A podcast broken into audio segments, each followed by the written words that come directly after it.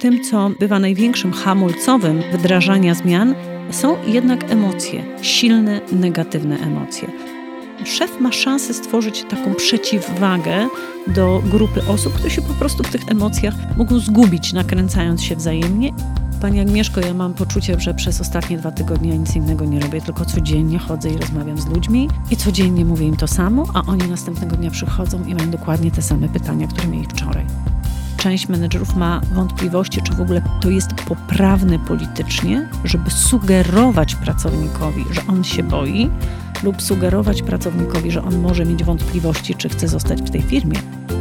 Milczysz. Niepokoi mnie Twoje milczenie, bo do tej pory przychodziłeś do mnie, rozmawialiśmy, a od kilku dni się nie pojawiasz. Czy coś się dzieje?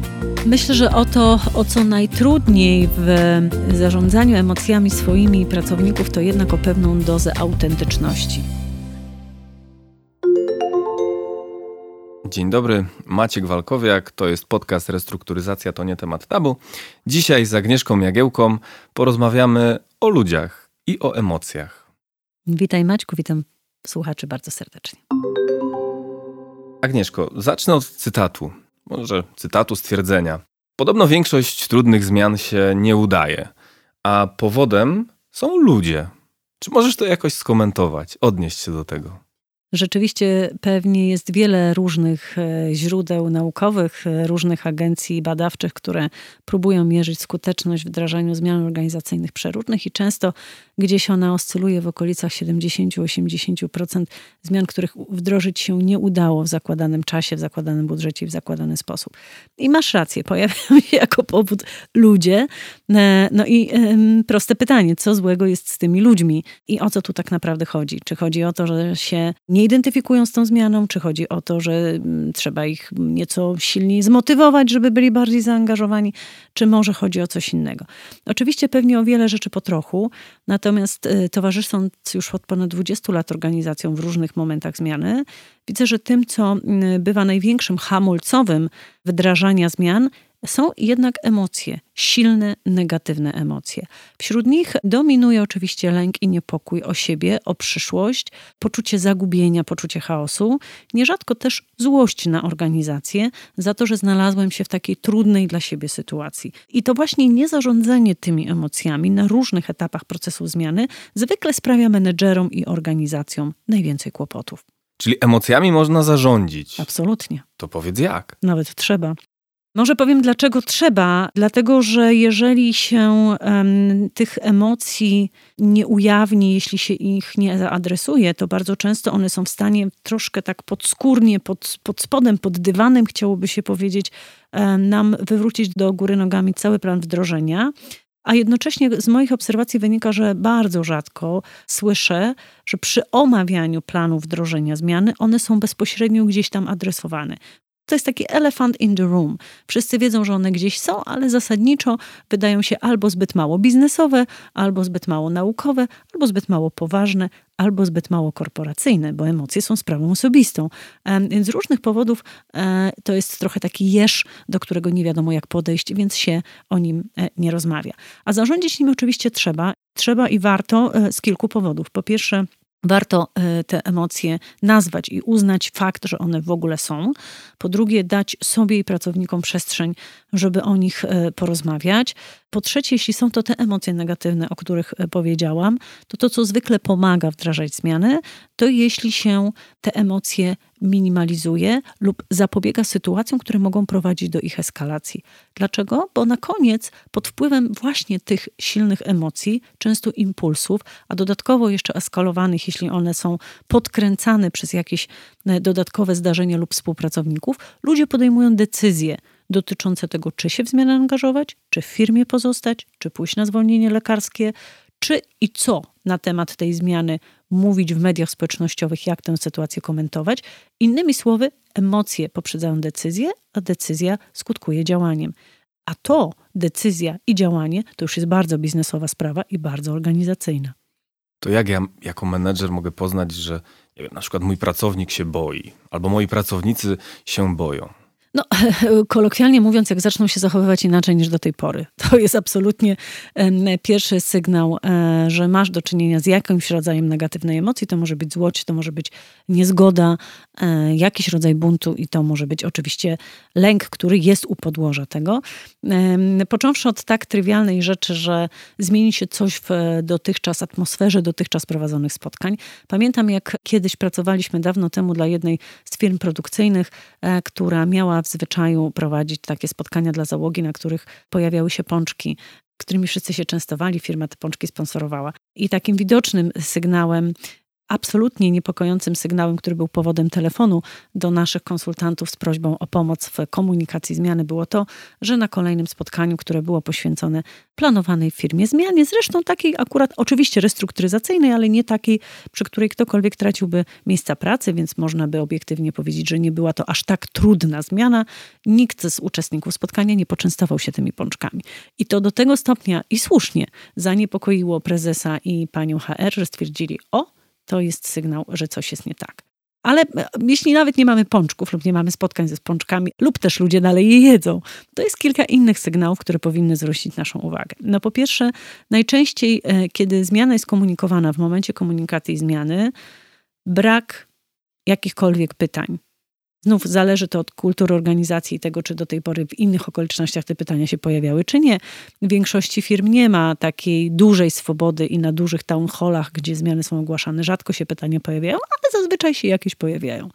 Brak pytań, milczenie, cisza może być symptomatyczna, jeśli do tej pory one były.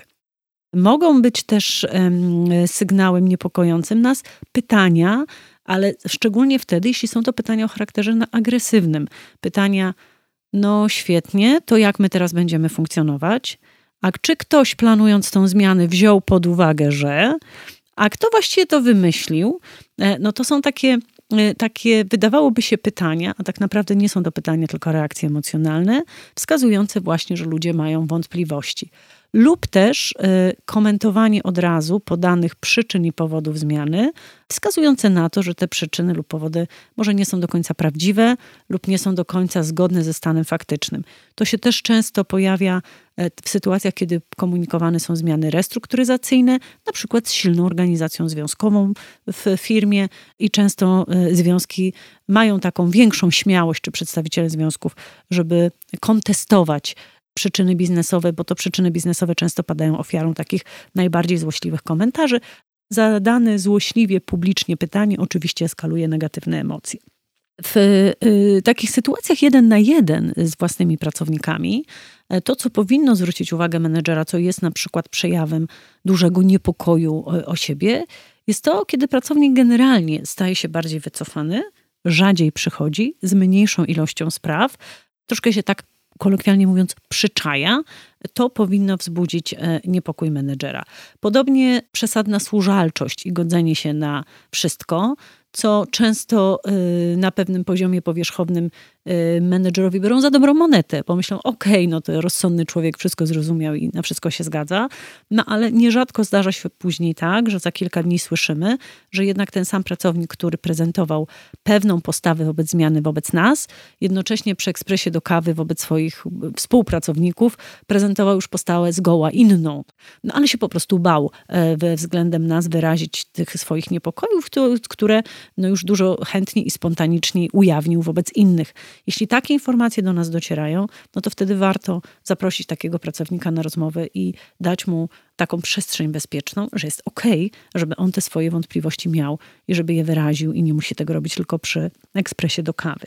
Oczywiście menedżerowie i HR, HR-zy, z którymi często pracujemy, boją się takich bardziej twardych, biznesowych efektów nasilenia negatywnych emocji, czyli po prostu boją się tego, że pracownicy masowo będą chodzić na zwolnienia lekarskie, e, boją się tego, że spadną wyniki produktywności, bo pracownicy w czasie przeznaczonym na pracę będą albo plotkować, albo szukać sobie pracy, e, zajmować się innymi e, aktywnościami, których potrzebują w danym momencie, żeby odreagować tą zmianę, no a to oczywiście odbije się na wynikach ten wskaźnik związany z ucieczkami na tak zwane zwolnienia, zazwyczaj w firmach on jest mniejszy niż to firmy zakładają.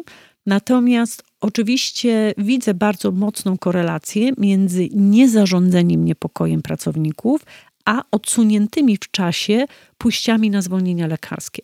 I to nie tylko musi być tak, że to są zwolnienia lekarskie związane z tym, że pracownik manifestuje swój brak lojalności wobec firmy, czy zaczyna sobie budować wariant B, czyli spróbuje już e, w rzeczywistości domowej, wykorzystując opcję zwolnienia lekarskiego, zabezpieczyć sobie przyszłość w innej organizacji, tylko naprawdę coraz częściej jesteśmy świadkami tego, że jeśli ludzie pozostają w dużym stresie, napięciu przez wiele tygodni czy miesięcy, jeśli jeszcze zmiany się nakładają, a dzieje się to coraz częściej, to naprawdę zaczynają chorować. Naprawdę ich system, system immunologiczny ulega osłabieniu i po prostu są bardziej podatni na infekcje. Więc też wszelkiego rodzaju um, zwolnienia e, lekarskie, ale też objawy e, psychosomatyczne związane właśnie z bólem głowy. Często też pracownicy w niektórych organizacjach coraz częściej przychodzą, proszą o pomoc psychologiczną czy psychiatryczną lub też z pakietów medycznych, które taką pomoc gwarantują, częściej korzystają.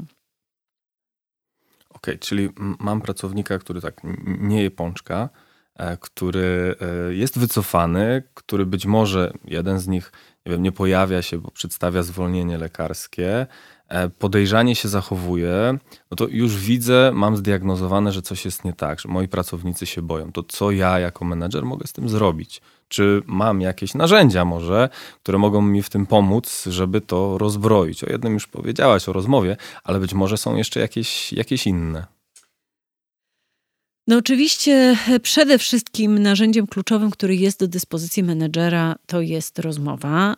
Są jeszcze oczywiście inne narzędzia, takie, które może zapewnić organizacja, i coraz częściej organizacje się takie narzędzia starają zapewnić. To są różnego rodzaju albo pomoc terapeutyczna, psychologiczna, albo jakiegoś rodzaju warsztaty radzenia sobie z własnymi emocjami, czy y, jakieś y, szkolenia z przechodzenia przez zmiany.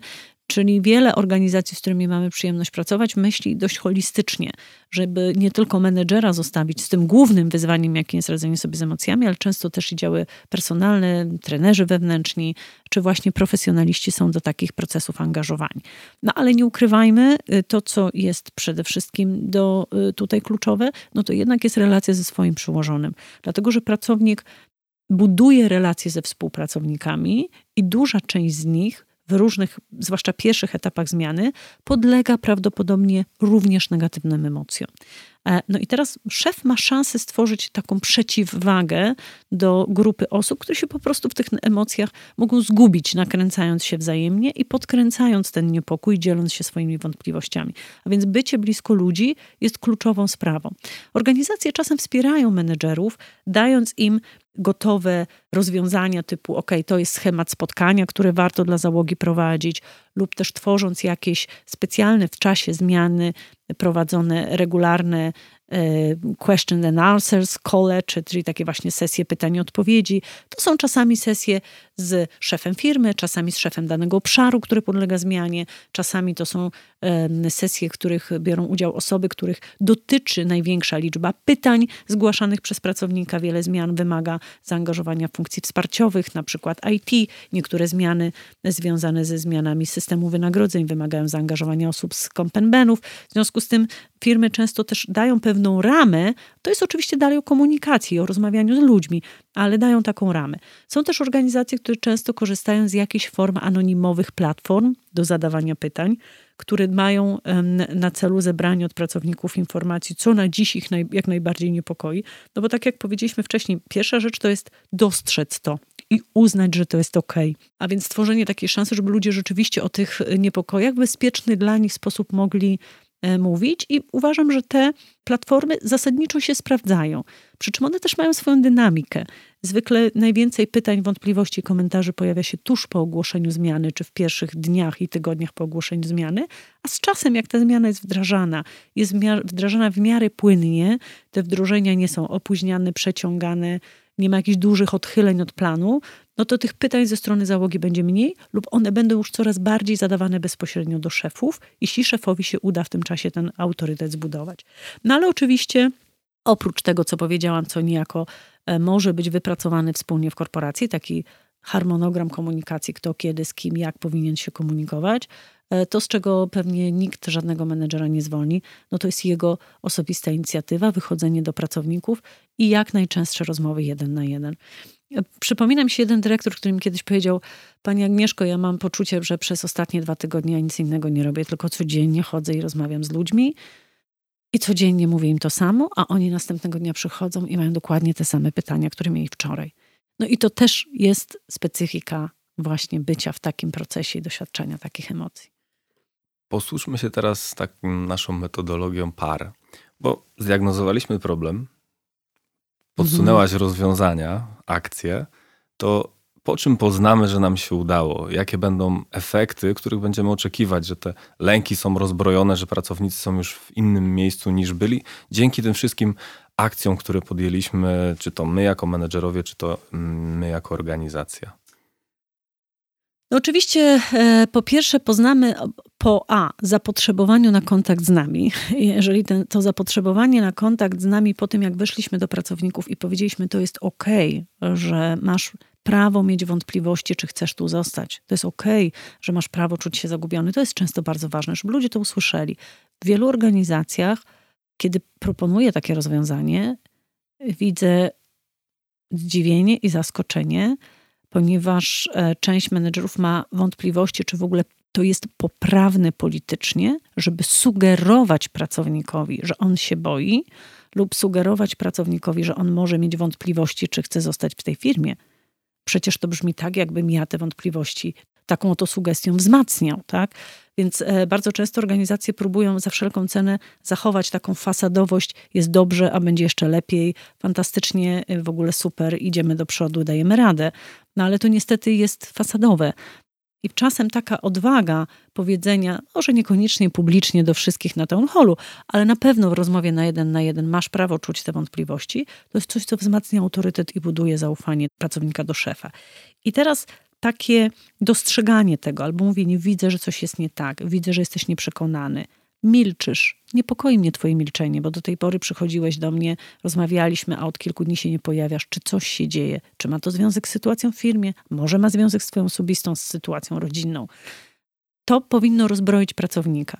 I teraz, y, jeśli pracownik z nami rozmawia, dzieli się tymi wątpliwościami i w jednym, drugim, trzecim dniu wraca z tym samym, co nam się już wydaje, że żeśmy zaadresowali, a on wraca z tym samym, ale w trzecim tygodniu już z tym nie wraca albo w trzecim tygodniu już nie przychodzi do nas, już w trzecim tygodniu wychodzimy do niego i widzimy, że on już mówi: Nie, nie, to już porozmawiajmy o tym projekcie, czy porozmawiajmy o tych moich zadaniach. Czyli jego myślenie o pracy już bardziej przesuwa się w kierunku bieżących zadań, to to jest znak, że jesteśmy w dobrym miejscu.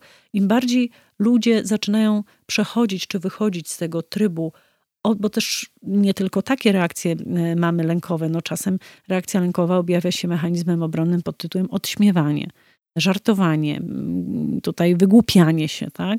Albo y, no, mamy do czynienia z projektowaniem, czyli przenoszę na innych, nie, nie, ja to w ogóle jestem super zaangażowany, ale ta Zośka, to ona to ciągle po prostu to tylko chodzi i komentuje, tak? Ludzie sobie w różny sposób z tym radzą. Ale generalnie widzimy, że pracownicy mają cztery typy pytań. I zależnie od tego, jak się między tymi czterema typami pytań przesuwają, to jest wskaźnik dla menedżera, taki feedback, czy osiągnął rezultat zamierzony. Te cztery typy pytań to są pytania o powód zmiany, czyli wszelkiego rodzaju pytania wokół OK, ale czemu to ma służyć, ale czemu, y, jaki efekt biznesowy ma być tego całego przedsięwzięcia, po czym poznamy, że to jesteśmy w dobrym miejscu. Na początku te pytania zadawane zwykle służą sprawdzeniu, czy ta zmiana jest tak naprawdę nieuchronna. Czy to nie jest tak, że ktoś się po prostu z tego wycofa. E, druga kategoria pytań to są pytania o przebieg tej zmiany, czyli co po kolei będzie się działo. Trzecia kategoria pytań to są pytania, od których zwykle pracownicy zaczynają, czyli to są pytania o ich osobisty status, co im się w tej zmianie e, będzie działo, co im się przydarzy i co to będzie oznaczało dla nich. No i czwarta to właściwie coś, co brzmi jak pytanie, nie jest pytaniem, jest reakcją emocjonalną. I teraz im bardziej będziemy się przesuwać od tych dwóch ostatnich kategorii, czyli kategorii reakcji emocjonalnych i kategorii pytań o to, co to strasznego mi się przydarzy w związku z tą zmianą, czy też jak ja e, mogę zadbać o to, żeby się w niej czuć pewnie, żeby na tej zmianie nie stracić. Im bardziej z tych dwóch kategorii pytań e, pytania będą znikały, a zaczną się pojawiać pytania, ok, to jak będziemy się układać po nowemu w tej nowej rzeczywistości, tym bardziej to powinien być znak dla menedżera, że jest w dobrym miejscu. Podczas restrukturyzacji używa się terminu impacted i non-impacted, gdzie impacted no, tyczy się pracowników, którzy się będą z firmą rozstawać, a non-impacted tych, którzy w, którzy w organizacji zostaną. I moje pytanie do ciebie brzmi następująco. Czy nie jest to zbyt pochopne rozróżnienie tych dwóch grup i przy dużych zmianach restrukturyzacyjnych te osoby, które tą zmianą są faktycznie dotknięte, niekoniecznie tracą pracę, no jest jednak dużo większe i też tą grupą trzeba się w jakiś sposób zaopiekować także pod kątem e, emocji. E, no, pytanie sugerujące odpowiedź, jak, jak sam zauważyłeś, więc myślę, że oczywiście e, tak, jak najbardziej powinniśmy zadbać o wszystkich. Natomiast nieco prowokacyjnie powiedziałabym, co najgorszego może się wydarzyć dla pracownika, który jest objętym procesem restrukturyzacji. Może stracić pracę. Dokładnie. I to, co się zmienia obecnie na rynku, to to, jak trudnym dla nas jest utrata pracy. Są pewne grupy osób, często z dłuższym stażem pracy, które obiektywnie postrzegają, że mogą mieć trudniej i, i, ma to racjonalne podstawy ze znalezieniem nowego zatrudnienia, dla których to widmo utraty pracy wiąże się z większym stresem. Coraz częściej mówi się o młodszych osobach e, z krótszym stażem pracy, o młodszych pokoleniach, które są bardziej przyzwyczajone do zmiany pracy i dla nich ta, ten dramat utraty pracy nie jest już takim dramatem. Natomiast to, co wpływa też na postrzeganie tego, tego ryzyka, bo tak naprawdę dokładnie, Maćku, proces restrukturyzacji, on oczywiście niesie wiele wyzwań. On niesie wyzwanie pod tytułem muszę pracować dodatkowo po godzinach. On niesie wyzwanie pod tytułem e, może będę musiał robić rzeczy, które są dla mnie nudne, nieinteresujące lub których nie umiem może zmieni mi się szef i będę musiał pracować z kimś, z kim nie chcę pracować, ale to ostatecznie oznacza, że albo on mnie zwolni, albo ja odejdę, tak? Na koniec dnia wiele z tych rzeczy prowadzi do decyzji pozostaje w firmie lub do decyzji firmy, która może mnie zwolnić. A zatem tak czy tak to zwolnienie jest takim często subiektywnie największym ryzykiem, którym się wiąże proces restrukturyzacji. No i teraz ten strach czy niepokój związany z tym, tym ryzykiem, z oceną, na ile prawdopodobne jest, bo to jest pytanie, na ile prawdopodobne jest, że ja znajdę się w grupie osób zagrożonych tym scenariuszem. To oczywiście zależy od kilku rzeczy. Po pierwsze od tego, o czym powiedziałeś, na ile przy ogłoszeniu zmiany wiadomo, że ja konkretnie jestem w tej grupie osób, które tą zmianą są objęte racjonalnie. Jeżeli jestem w tej grupie osób, no to mam większe szanse, że będę jednym z pracowników, który straci pracę, lub jeżeli jest zlikwidowana cała linia biznesowa, zamykany cały zakład, firma wycofuje się z rynku, jest to niemal pewne, że również będę tym objęty. Chociaż nawet w takich sytuacjach ludzie czasem liczą, że coś się dla nich gdzieś tam znajdzie. Jeśli jestem w dziale, którego to nie dotyczy, w zespole, którego to nie dotyczy, teoretycznie powinienem czuć się dużo bardziej komfortowo i dużo bardziej spokojnie, ale znowu też z naszych obserwacji wynika, że wcale tak być nie musi, ponieważ obserwowanie tego, co dzieje się niejako u sąsiada, u kolegi, często również intensyfikuje lęki i niepokoje osób, które, e, których zmiana na dzisiaj nie dotyczy, i mają prawo zadać pytanie, a co z nami, czy nasza, e, nasz zespół nie będzie następny. I zresztą takie pytania zadają. Jeżeli organizacja nie pomyśli o tym, żeby tą grupę też objąć jakąś komunikacją, to często te pytania idą niejako w próżnię. Czy czują się dodatkowo zaniepokojeni jeszcze tym faktem, że są pozostawieni troszkę tak obok. No albo często ich menedżerowie zostają konfrontowani z takimi pytaniami, na które sami nie znają odpowiedzi, do których odpowiadania nie zostali przygotowani. Więc zasadniczo e, błędem jest zakładanie, że jeśli zmiana dotyczy tylko części organizacji, to właściwie tymi ludźmi powinniśmy się zająć, a resztę zostawić. Bo to właśnie w tej zaniedbanej reszcie występują te zjawiska, których organizacje chcą uniknąć, czyli odejścia kluczowych talentów.